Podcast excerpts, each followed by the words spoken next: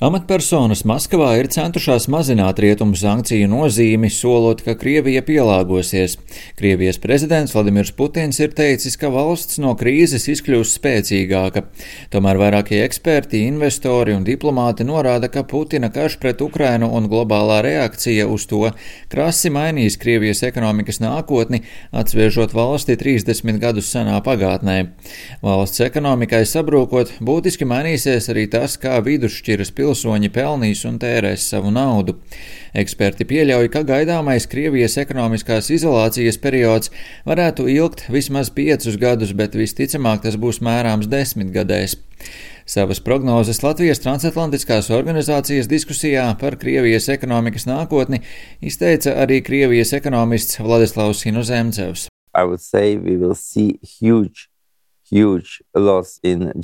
Es teiktu, ka mēs novērosim ļoti, ļoti lielu iekšzemes koprodukta kritumu sākot no tuvākajiem diviem, trim mēnešiem, un mana prognoze šim gadam ir kritums par aptuveni 12%, un reālie ienākumi kritīs vēl vairāk par aptuveni 15%.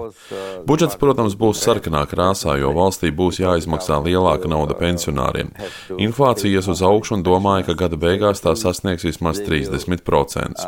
Un būtiskākā lieta ir tā, ka Krievijas ekonomika ekonomika nevis cietīs lielu triecienu un tad atkopsies, kā tas bija 2008. un 2009. gadā, bet tā arvien biežāk redzēs nelielu vai vidēju izaugsmi un krīze mēnesi no mēneša pasliktināsies. Decline, the crisis will aggravate month by month. Inozemzeva prognozētais Krievijas IKP kritums ir būtisks kaut vai tad, ja salīdzinām to rietumu noteikto sankciju ietekmi, kas bija manāma pēc Krīmas aneksijas. Starptautiskais valūtas fonds lēsa, ka toreizējo rietumu sankciju ietekme uz Krievijas ekonomiku laikā no 2014. līdz 2018. gadam bija 1% no IKP. Ja kritums būs 11%, tā būs lielākā recesija kopš 90. gadiem. IKP krituma aplēses gan ir dažādas - optimistiskās aptuveni 8%. Bet rietumiem izolējot Krieviju, dažādu ārvalstu kompāniju skaits, kas pametušas valstī jau pārsniedz 400. Eksperti arī nesaskata, ka tuvāko vismaz piecu gadu laikā rietumu kompānijas būs gatavas atgriezties Krievijā. Tāpat no Krievijas aizplūs darba spēks, arī viesstrādnieki. Valsti varētu būt pametuši te jau pusmiljonus cilvēku, pārsvarā vidusšķira. Un arī tas Krievijas ekonomiku ilgtermiņā ietekmēs sāpīgi. Uz to norāda arī Eiropas komisijas pārstāvniecības Latvijā vadītāja vietnieks Mārcis. Mārtiņš Zemītis. I think the economic pain for Russia will be significant.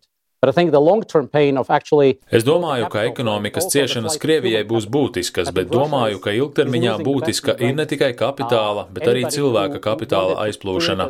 Domāju, ka Krievija zaudē labākos un talantīgākos. Jebkurš, kurš vēlējās izveidot Krievijā augsto tehnoloģiju kompāniju, tuvāko 10 līdz 20 gadu laikā to nedarīs, darīs to citur. Jā, Krievija bija valsts, kas būvēta uz resursu ieguvi, bet bez cilvēkiem tai būs ļoti grūti atjaunoties.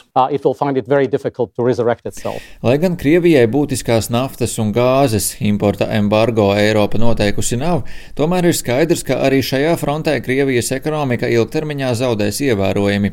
Turpina Luminor bankas ekonomists Pēteris Strautiņš. Ir skaidrs, ka tirgus Krievijas enerģijai Eiropā un ne tikai ilgtermiņā ir krietni samazinājies. Ja skaitām potenciāli neiegūtas summas, tad iespējams runājam nevis par miljardiem, bet triljoniem dolāru.